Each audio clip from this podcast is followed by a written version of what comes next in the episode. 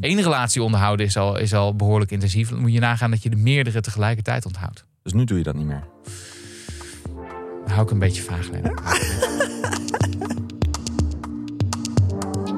Welkom bij Hoe ben je zo? De anti-zelfverbeteringspodcast waar je wel een leuker mens van wordt. Wij zijn Lennart en Thijs, allebei psycholoog, dikke vrienden en allebei gefascineerd door persoonlijkheidsverschillen. Ja, hoe bedenk je het, hè? In deze aflevering hebben we het over allemaal verschillende soorten vragen. Van narcisme tot avondmensen versus ochtendmensen, van polyamorie tot aan alcohol. En hoe ben je zo geloven dat je jezelf niet hoeft te verbeteren, maar dat je jezelf wel beter kunt begrijpen en dat dat je leven een stuk leuker en makkelijker maakt. Dus we gaan het hebben over een paar luisteraarsvragen van jullie die wij tof vonden. Over onderwerpen waar we misschien niet een hele aflevering over kunnen vullen, maar waar wel interessante dingen over te zeggen zijn. Zeker. En we konden niet echt een overkoepelend thema vinden dit keer, dus het is een beetje willekeurig. Ja.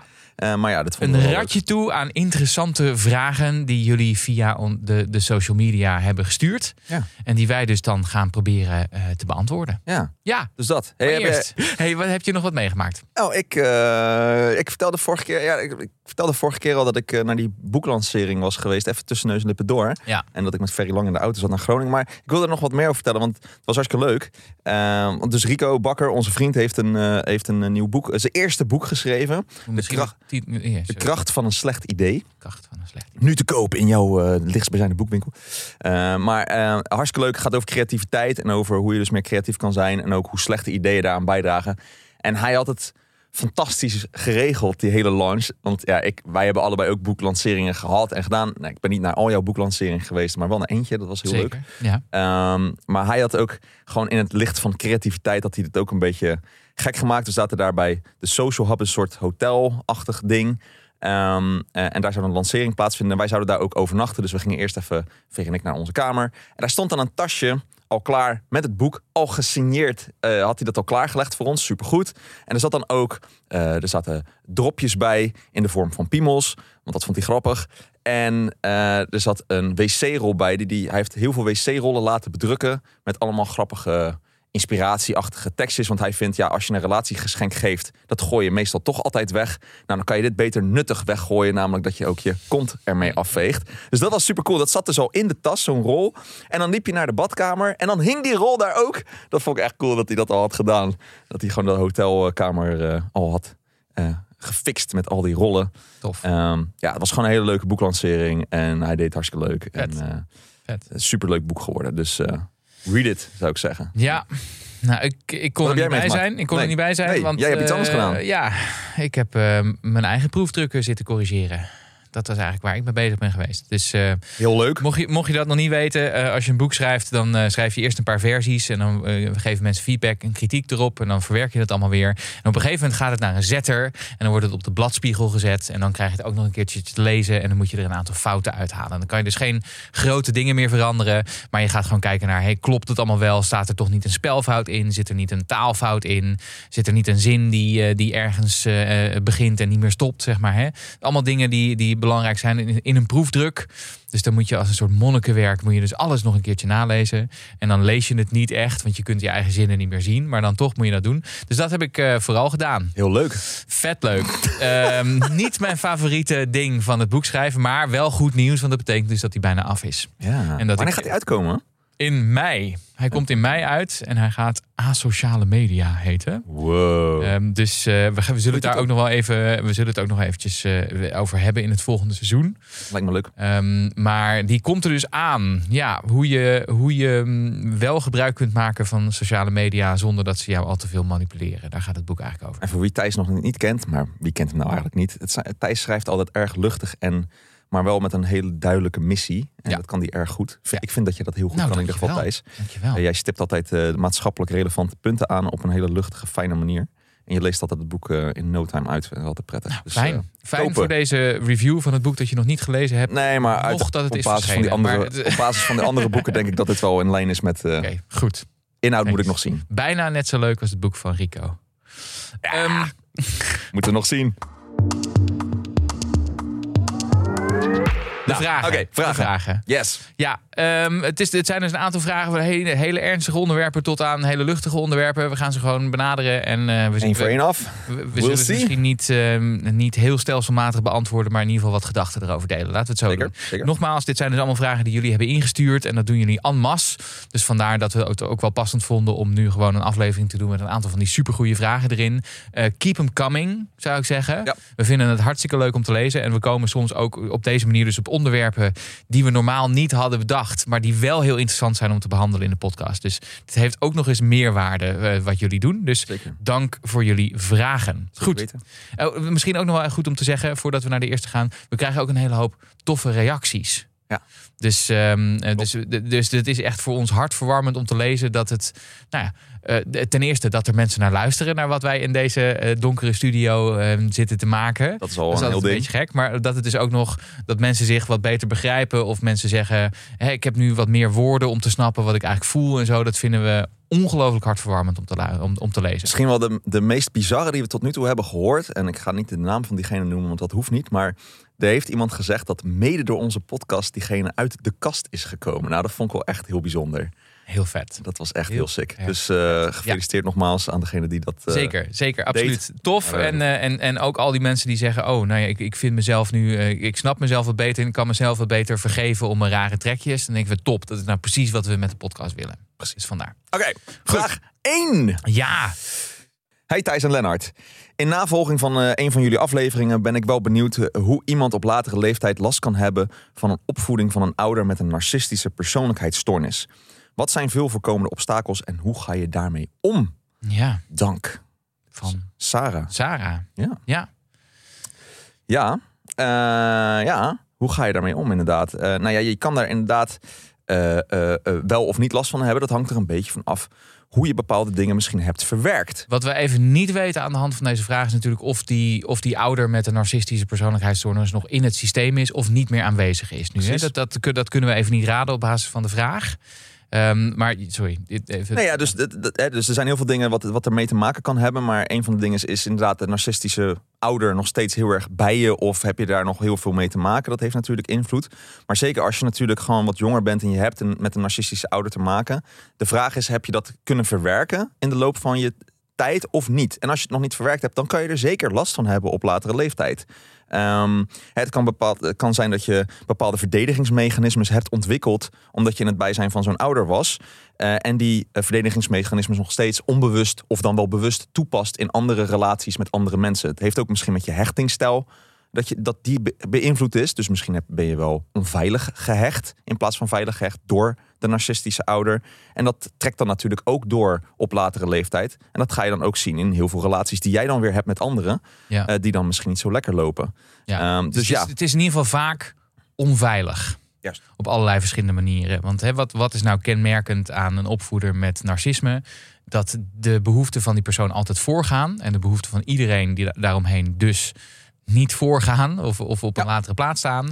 En eh, dat er ook nog wel sprake kan zijn van behoorlijk veel boosheid. Hè? Dus, dus als je, ehm, eh, laten we zeggen, over de term narcist kan je natuurlijk heel erg, heel erg debatteren. Maar vaak is het patroon, dus als er iets gebeurt dat tegen de zin is van die persoon. Of dat even tegen het zere been is. Dan krijg je nogal grote overtrokken woede. Narcistische krenking noemen ze dat ook wel. En ik kan me voorstellen dat dat zorgt voor een behoorlijk onveilige situatie. Waarin je eigenlijk nooit weet waar je, waar je aan toe bent. Dus ik moest, ik moest ook denken aan. eh, tot mijn grote verbazing bleek vorige week dat jij die, de serie eh, Succession nog nooit had gezien. Maar dat is wel. Dat, nog steeds niet. echt, Sorry. echt een hele goede om te zien. Eh, dat gaat dus over de familie. Dus eigenlijk een beetje gebaseerd op Rupert Mur- Murdoch. Hè, dus, eh, dus degene, hè, dus een, een, een, grote mediamagnaat. Ehm en het gaat over een vader en de drie kinderen daarvan. En dat gaat eigenlijk over wie gaat die vader opvolgen.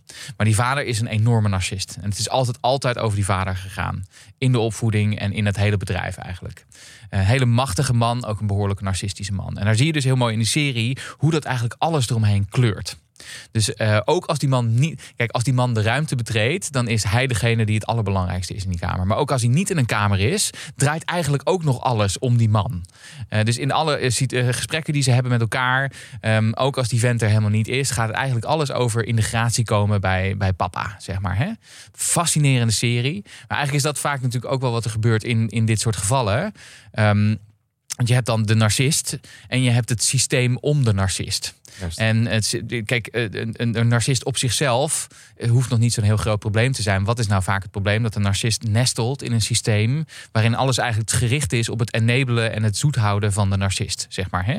Ehm, dus dat, en dat kan zelfs ook nog, wat je dan vervolgens krijgt, zelfs als die, als die persoon zelf uit die situatie is, blijft dat systeem nog steeds om die persoon heen draaien. Super interessant hoe dat werkt en heel tragisch, maar ook heel interessant. Dus ver na de dood zelfs nog van iemand die narcistisch is en zo'n stempel heeft gedrukt, kan dat systeem eigenlijk nog heel erg om die persoon draaien. En het gaat, het gaat nog steeds alles over wat is er toen gebeurd, wat is de invloed op ons, et cetera. Ehm, dus, dus een van de manieren waarop een zo'n familiesysteem werkt, is dat uiteindelijk dan nog alles draait om het pleasen van papa of mama. Juist. Um, dus, dus je krijgt dan de situatie van je bent misschien uit dat familiesysteem, maar dat familiesysteem moet ook nog uit jou raken. Ja. He, dus dat, uh, dat is in de copingmechanismen, in, in de manier waarop je met anderen omgaat, in de neiging die je hebt om andere mensen te pleasen, zit dat ook nog allemaal. Sorry, ik onderbrak je. Nee, nee, nee, maar dat is dus precies zeg maar, hoe je er dus uiteindelijk mee om moet gaan. Is uh, ja, kijken of je het op een bepaalde manier kan verwerken wat er, eh, wat er allemaal is gebeurd. Ga naar een psycholoog toe, een therapeut die, waar je dit soort dingen waar je over kan praten. Uh, over deze dingen. Uh, uh, zodat je dingen een plekje kan geven. En misschien ook kan spotten wat zijn jouw maniertjes of dingetjes die jij eigenlijk jezelf dus hebt aangeleerd. Wat niet per se helpt in de relaties met anderen. Die je nu misschien een beetje af kan leren. Of waar je anders op een andere manier mee om kan gaan. Ja, um, ja want dat is, dat is voor mij, als ik er zo naar kijk. En ik ben nogmaals, ik ben geen praktiserend therapeut. Ik heb wel wat ervaring met dit soort systemen. Um, maar wat voor mij zo tragisch is, is, is dat dat ook nog dat, dat de invloed van zo'n narcistisch systeem uh, reikt nog veel verder. Dus, ja. dus een van de dingen die je dan uiteindelijk nog moet doen, dan is die persoon weg. Zit je nog steeds met die shit van die persoon, zeg maar. En onderdeel daarvan is dus, hè, wat jij zegt, je hebt het over een plekje geven. Dat gaat eigenlijk daarover. Hè, dingen daar laten. En uh, uh, langzamerhand aan een leven gaan bouwen dat niet meer over die persoon gaat. Maar je eigen leven is. Dus zelf starten met leven, zou ik zeggen. Dat is, dat is de opdracht die je dan hebt. Mooi gezegd. Ja. Ja, het is tragisch. We hebben allemaal te maken met, onze, met, met de shit die onze ouders hebben doorgegeven. En de generaties daarvoor soms ook zelfs. Hè? Ja. Dus soms sommige van die stoornissen die worden echt uh, door. Ja, dan de, zie je de effecten ervan nog een aantal generaties verder. Zeker, zeker. En dat is ook wel eens wat een therapeut ook wel eens tegen me gezegd heeft. En je, je hebt te maken met, met alles wat in een familiesysteem wordt doorgezet. En je hebt de mogelijkheid om het in jouw uh, leven uh, wel op te lossen. Maar je hebt niet de verplichting om dat ook te doen. Precies. Ja.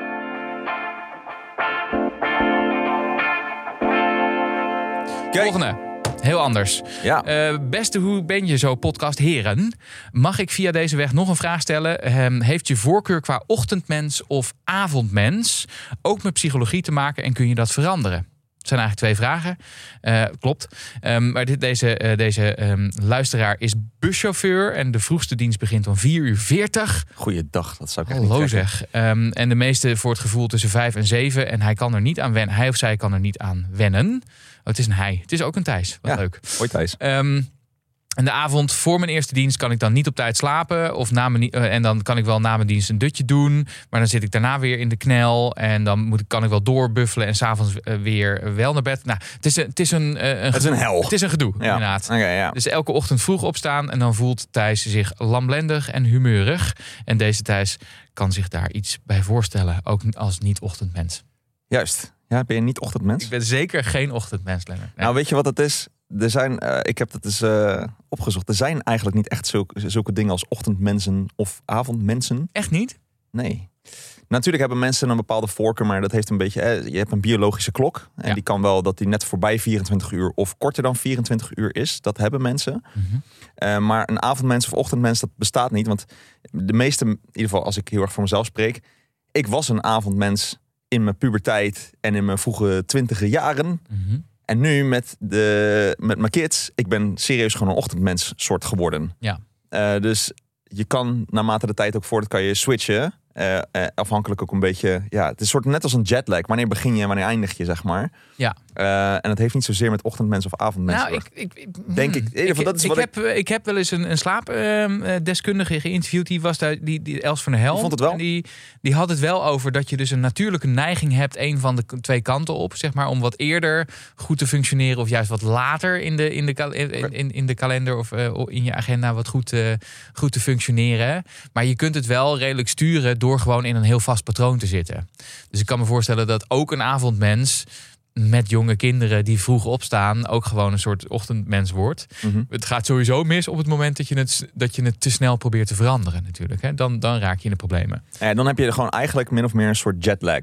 En, Ja. en dat is eigenlijk wat jij nu, denk ik, Thijs, de, degene die de vraag heeft gestuurd, niet Thijs die tegenover me zit, eh, vooral meemaakt, is dat je gewoon eigenlijk in een soort van continue jetlag zit. En ze zeggen, nou ja, je, gemiddeld duurt het iets van drie dagen om te wennen aan het nieuwe ritme waar je dan in komt, ook na een normale jetlag. Maar in principe is ja, shift work of ploegendiensten, zeg maar, met andere tijden, is eigenlijk ook dat je continu een soort jetlag inkomt. Ja. Ehm, Overigens ook, eh, hè, dus je, je hebt ook nog het fenomeen dat heet social jet lag.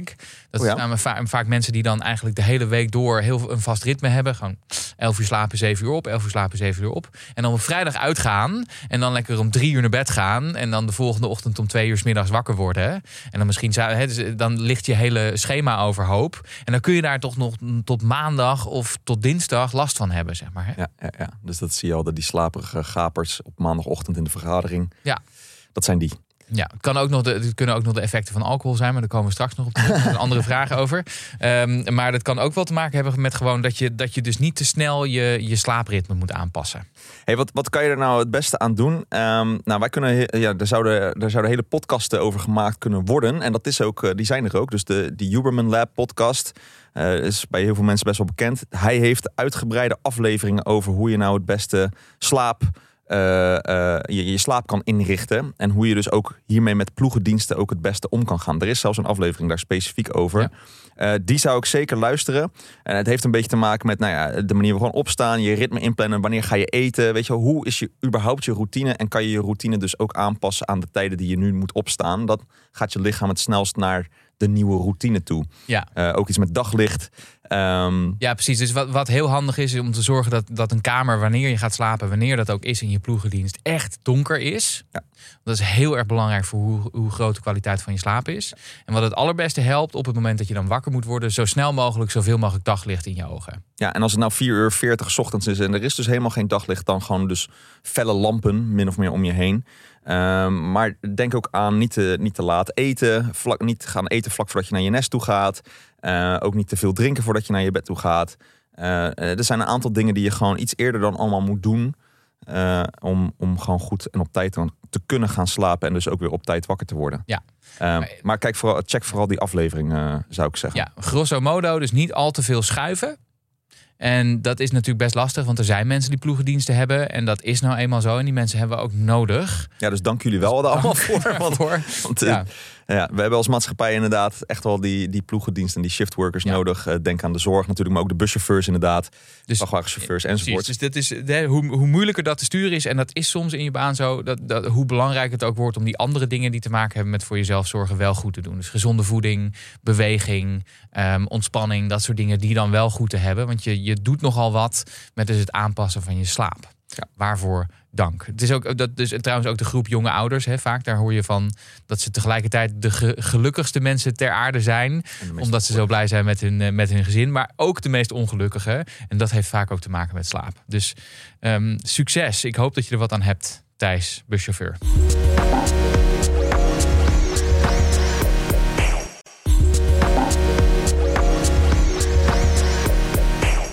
De derde vraag.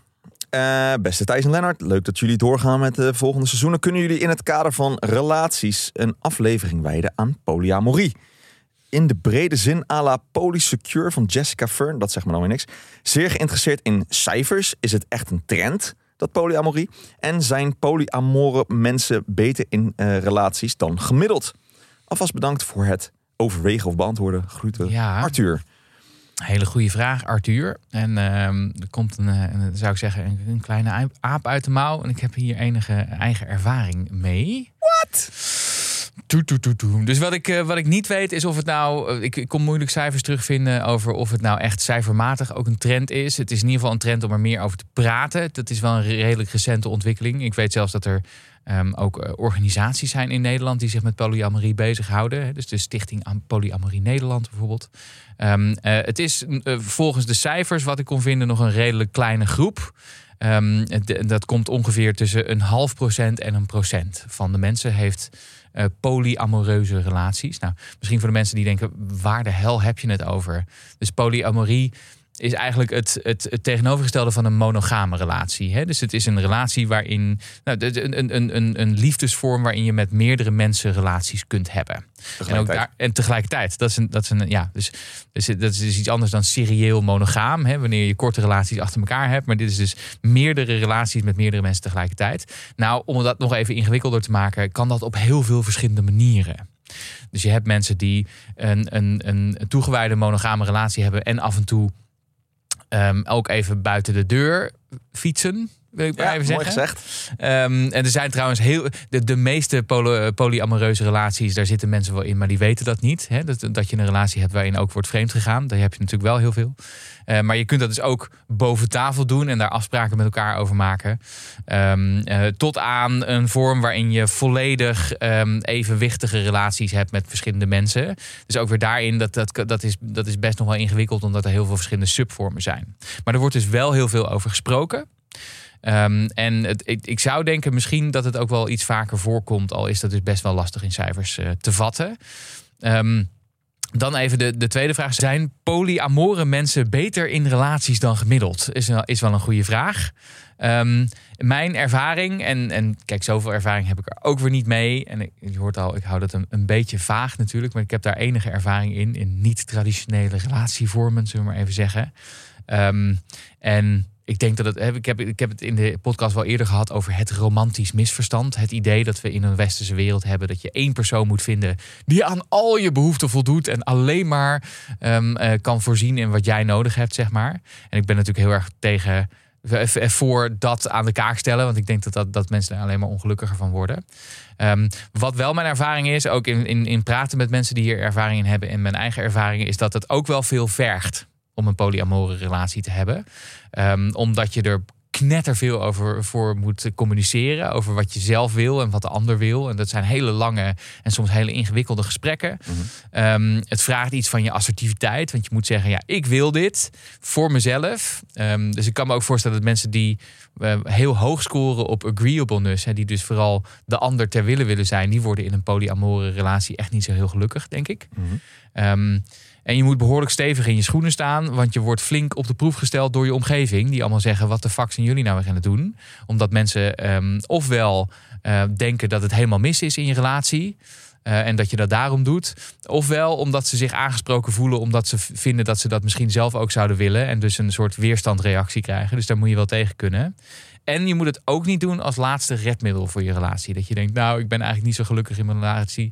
Weet je wat we doen? We maken er een open relatie van. Want dat is over het algemeen niet de beste strategie, zou ik zeggen. Duidelijk. Ja. Oh ja, en het, en het kost tering veel tijd. Ja. Eén relatie onderhouden is al, is al behoorlijk intensief. Dan moet je nagaan dat je de meerdere tegelijkertijd onthoudt. Dus nu doe je dat niet meer. Hou ik een beetje vaag, Lennart. Hou ik een beetje-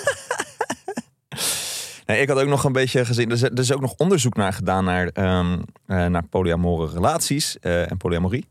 Ehm, en eh, het is heel erg wat jij zei, Thijs. De mensen, het kost veel tijd. Sociale stigma's zi- zitten erop. Het is ook lastig om een gezinsleven erin te organiseren. Natuurlijk, als je meerdere partners tegelijk en bijvoorbeeld bij eentje wel kinderen hebt, hoe ga je dan dat gezin, zeg maar, ja, bij elkaar of hoe ga je dat dan doen, zeg maar? Dat hele organiseren stukje, dat maakt het heel complex en vergt heel veel tijd en vergt heel veel afspraken maken enzovoorts. Ja. Ehm, wat ze ook wel hadden gevonden, is dat eh, niet zozeer dat mensen die dus dat doen beter zijn in relaties, maar wat ze wel zijn, eh, zien is dat mensen die, die polyamoreus zijn en dat daar goede afspraken over hebben, gelukkiger zijn eh, over het algemeen doordat ze die meerdere relaties hebben en ook op de, eigenlijk omdat ze dus meerdere behoeftes van zichzelf in meerdere mensen kwijt kunnen. Als je Ja. natuurlijk maar één partner hebt en je probeert daar al je behoeftes in kwijt, dat lukt je gewoon niet. Dan raak je teleurgesteld. En dan raak je teleurgesteld. Dat, dat lukt gewoon niet altijd. Want ja, eh, mensen zijn ook maar beperkt. Maar als je dus eh, ja, bij de een kan je bijvoorbeeld heel goed mee praten. Met de ander heb je eh, fantastische seks. Ik zeg maar wat. En bij, bij weer de ander is het gewoon gezellig Netflix en niks doen. Niet Netflix en chill. Dat is dan weer bij die seksrelatie die je daarvoor had met die ander. nou, hè, maar als je daar zo een beetje meerdere mensen voor hebt, heb je dus, kan je dus meerdere behoeftes kwijt. Eh, en eh, dat Ja. maakt je dus eh, in principe ook een gelukkige mens. Die mensen zijn dus echt daadwerkelijk gelukkiger. Risicospreiding. Ja, eigenlijk wel. Maar het is dus wel verdomde lastig. En Ja. het kost veel tijd. En, er zijn, en er dus zijn dat- hele mooie voorbeelden van mensen die, die complexe ehm multigezinnen bij elkaar hebben. Hè? Dus, het, dus het hoeft allemaal dus niet. het kan, het kan echt. En ik denk, ik denk dat het ergens wel goed is dat het, dat het stigma daar steeds meer verder van af eh, begint te komen. Ja, Eh, dus- het idee dat je een monogame relatie 35 jaar volhoudt zonder enige strijd en dat diegene altijd in al je behoeften voorziet, dat is volgens mij het, eh, het idee waar we Ja, vanaf moeten. Het is alleen niet voor iedereen. En dus daar zit misschien ook van. Het gaat niet zozeer om ben je, ben je beter in een relatie. Het gaat er gewoon om wat past bij jou. Ja. Ehm, en, en misschien als monogame relaties wel goed bij je passen, dan ben je dan hartstikke goed om die monogame relatie in stand te houden. Heb je gewoon een prima relatie. Ben je niet per se beter dan de ander. Maar mensen zullen er zeker wel op verschillen. Ja. Ehm, waar dat precies aan ligt, eh, hoe mensen daarop verschillen, dat heb ik dan weer net niet even kunnen vinden in een onderzoek. Maar dat zal er vast wel. We moeten in ieder geval een beetje goed zijn. kunnen plannen, is mijn ervaring. Dat is duidelijk. Dus conscientieus zijn. Duidelijk.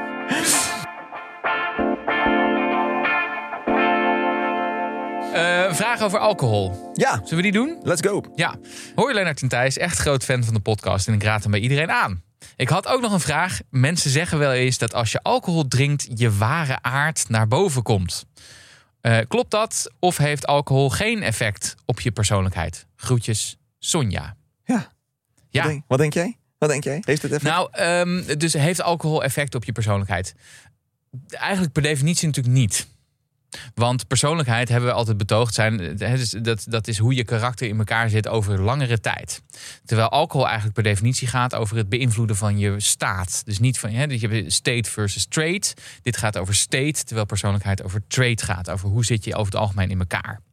Ehm, eh, dus dat, dat eigenlijk niet per definitie op persoonlijkheid. En ik denk ook, ik ben ook een beetje cynisch over dat idee van dronken mensen spreken de waarheid.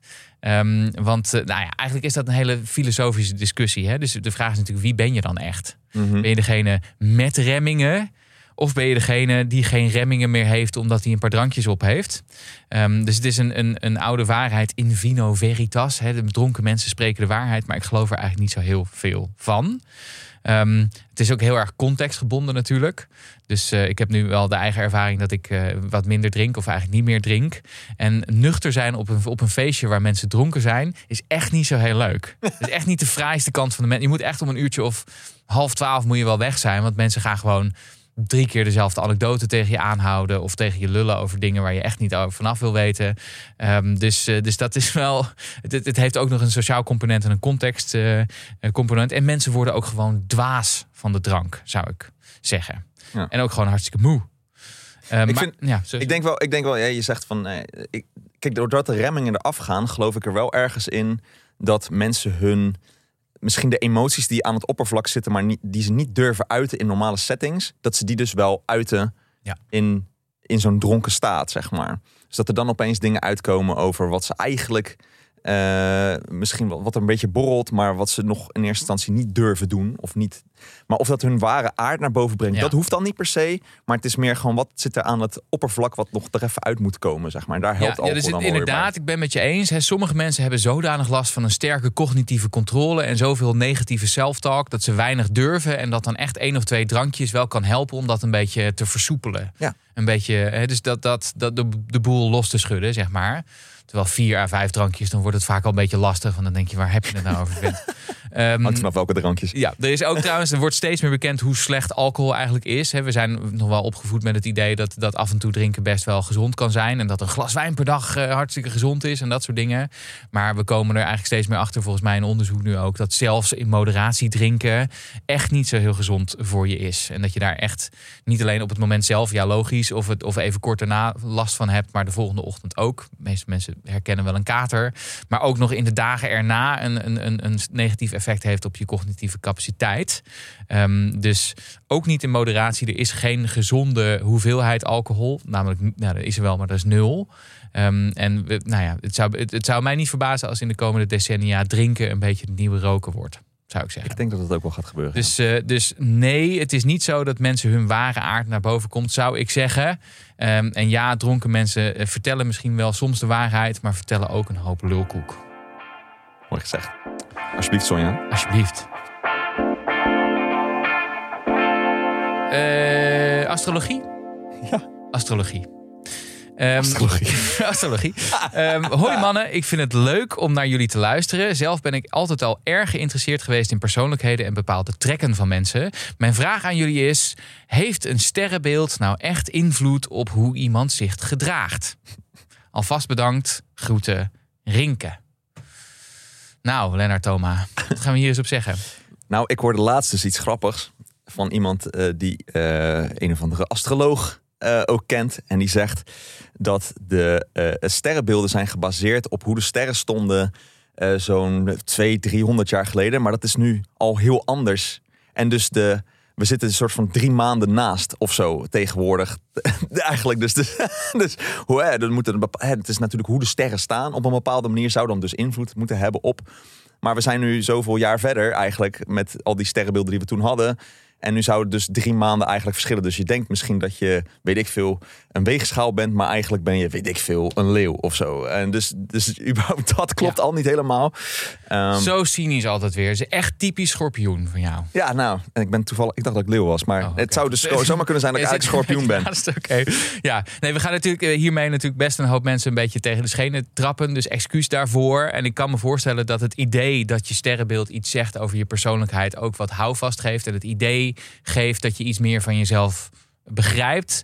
Dus sorry voor de mensen die we hiermee kwetsen. Maar laat ons maar duidelijk zijn: er is geen enkel bewijs dat de stand van de maan en de sterren op het moment van je geboorte invloed heeft op hoe jij de dingen ziet, of de dingen ervaart, of wie je bent.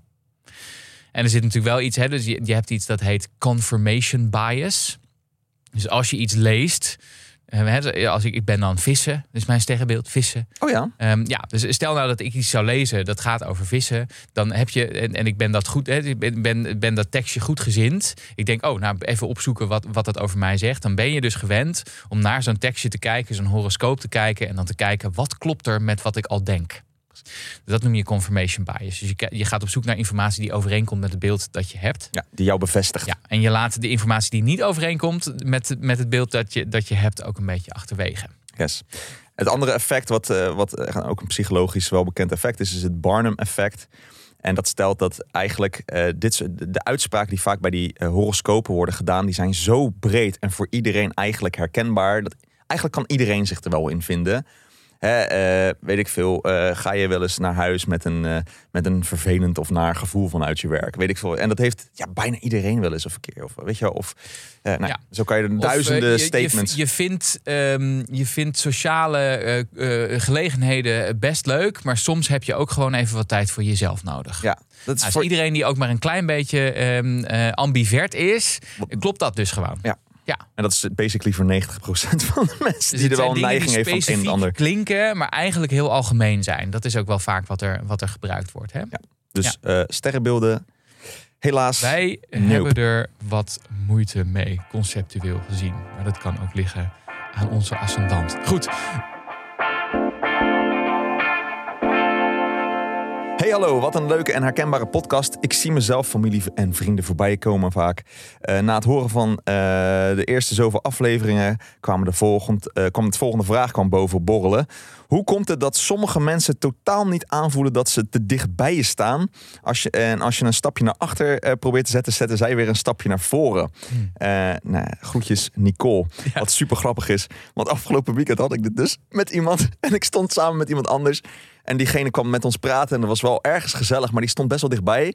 En ik en die maat van mij deden allebei tegelijkertijd een stapje naar achter. En hij kwam elke keer weer een stapje dichterbij. En op een gegeven moment zaten we met onze rug tegen de muur. Toen konden we nergens meer heen. Toen hebben we het gesprek maar afgekapt. En zijn we allebei, die, die vriend en ik, eh, twee verschillende kanten opgelopen om die vent een beetje, weet je wel, eh, verdeel en heers eh, soort van te doen. Ja. Ehm, maar dat, ja, precies. Ja, en, dat linkt deze dan ook weer aan de vraag die we hadden over alcohol natuurlijk. Dus mensen die alcohol drinken, Ja, dan hebben soms wat minder bewustzijn van wat een prettige afstand is. Maar je gelooft het of niet, ook hier is in de psychologie behoorlijk wat onderzoek naar gedaan. Dus de term die hier relevant is, die heet interpersonal distance, ofwel body buffer zone. Heftig. Dus je hebt een bepaalde. En mensen voelen eh, over het algemeen redelijk goed intuïtief aan wat een prettige interpersoonlijke afstand is. En dat verschilt per persoon en dat verschilt ook per, per context. En dat is super interessant. Dus er is een behoorlijk verschil tussen mensen over hoeveel interpersoonlijke afstand ze in een gesprek prettig vinden. En dus de, voor, de, de voorkeur verschilt bijvoorbeeld per land. Oh ja. In, ja, in Roemenië willen mensen veel verder wegstaan dan in Argentinië. Dat is toch. En met hoe close degene is met wie je een gesprek aan het voeren bent. Dus met Willem, Alexander en Maxima, die staan, Maxima Oh. staat vooral veel dicht bij... eh, zou dat kunnen? Ik weet Ja, en dan zeker als ze de Roemeense ambassadeur op de vloer, eh, over de vloer hebben, denk ik. Dan komt Maxima net er steeds iets te dichtbij staan. Ehm, maar goed, hè, dus eh, gemiddeld gezien. Ja, gemiddeld. En met hoe close degene is die dichtbij je staat. Dus een vreemde, die hou je, nou komt het, zo specifiek is het. Een vreemde hou je liever tussen de 60 en de 120 centimeter. Oh, natuurlijk. Ja. Ehm, en iemand die close is, ehm, die, is liever, eh, die heb je liever op 30 tot en met 90 centimeter dichtbij je. Dat vind je dan een prettige eh, afstand om een gesprek mee te voeren. Ze Tenzij iemand heel erg close is, dan is het nog een stukje. Dan, dan, dan laat je die persoon ook dermate dichtbij komen dat het heel intiem is, natuurlijk. Ehm, eh, je zou misschien denken dat man en vrouw, dat daar een heel groot verschil in zit. Tussen hoe ver ze mensen ehm, eh, ehm, dichtbij zich laten. Maar dat is dus niet zo heel erg het geval. Maar wel in de, in de persoon die dichterbij komt, daar zit een, een genderverschil in. Dus je laat, dus, dus zo, zowel voor mannen en vrouwen geldt dat ze vrouwen liever dichterbij laten dan mannen. Oh. Ja. Oké. En het is ook nog zo, als er nou een statusconflict is. Hè, dus als je, als je iets uit te vechten hebt met een collega bijvoorbeeld. Als je op de een of andere manier tegenover elkaar staat, eh, letterlijk, dan, gaan, dan hebben mensen meer de neiging om haaks op elkaar te staan dan recht tegenover elkaar.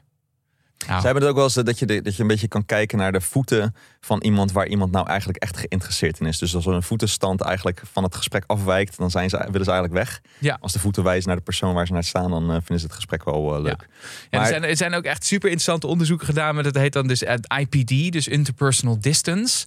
En waarbij ze dat verschil dat hebben gevarieerd in een, in een in onderzoekssetting. Dus dan was het tussen de 3,5 meter en de 1 meter. Ehm, en dan hebben ze steeds gekeken naar wat, wat vinden mensen dan prettig. Dus als mensen dichterbij staan, dan eh, vind- dat, wordt dat eh, eh, geassocieerd met meer arousal, hè, meer, meer spanning. En vinden mensen dat minder prettig en minder natuurlijk dan wat langere afstanden. Ehm, en dat wordt ook nog eens, hè, dus mensen die sowieso wat sociaal angstiger zijn, die, hebben, die willen graag mensen op wat meer afstand eh, hebben. Hmm. En als je dichterbij staat, dan heeft je gesprekspartner ook meer, ehm, eh, eh, hoe noem je dat? Skin sensitivity of skin, ehm, in ieder geval wat meer, die transpireert ook wat meer. Dus als je Oh. wat dichterbij gaat staan, Gaat anders weten. dan zorg je dat er op, op de huid wat meer transpiratie is. Ehm, en eh, ehm, eh, dus als je, wat, als je wat sociaal angstiger bent, dan heb je ook de neiging om wat meer, ja, eh, wat, wat vermijdender te zijn. Dus wat jij bij die, bij die persoon in de, in de kroeg had, dat zullen mensen die wat sociaal angstiger zijn, dus ook wat sneller hebben. Hilarisch. Heeft het ook met iemands aura te maken? Ja, dus dan wil je eigenlijk het liefste bij iemands aura in de wie het ook is, bij die persoon zijn aura in de buurt. Uit de buurt, uit de buurt blijven. Eh, oh, wat mooi. Dit is, eh, hier, hieruit blijkt maar weer hoeveel interessant onderzoek er in het vak, eh, vakgebied van de psychologie gedaan wordt. Hè. Er is, eh, je, kan, je hoeft het maar te bedenken. En er Alles wordt onderzocht, jongens. gedaan. Super interessant. Dankjewel voor je vraag, eh, Nicole. Ja, afronden, denk ik. We gaan afronden. Wat heb jij over jezelf geleerd eh, in deze aflevering vol met allemaal verschillende vragen? Laat het ons natuurlijk weten via alle social media kanalen van YouTube, Instagram tot Tik- TikTok onder de naam Hoe ben je zo podcast. Eh, we zijn benieuwd eh, wat je ervan hebt geleerd. En vergeet ons niet te volgen op Spotify, iTunes, al die dingen. Ja. Laat een review achter, Ja, dat soort en dingen. eh, en drop dus je vragen daar ook. Want je hoort, hè, we hadden een hele aflevering dit keer om een aantal vragen te behandelen. Dat vinden we ook hartstikke leuk. En we denken dan ook weer over dingen die we van, niet van tevoren hadden bedacht. Dus we vinden dat ook juist heel leuk om dan eh, de research Zoals te interpersonal distancing. Interpersonal distance en alcohol aura's en en aura's. En eh, onthoud, je hoeft jezelf niet niet te verbeteren. Een leuker leven begint bij meer begrip en acceptatie. En het idee opgeven dan je ander, dat je anders moet zijn dan je bent. Dat geldt voor ochtendmensen en fanatieke drinkers. Toedels!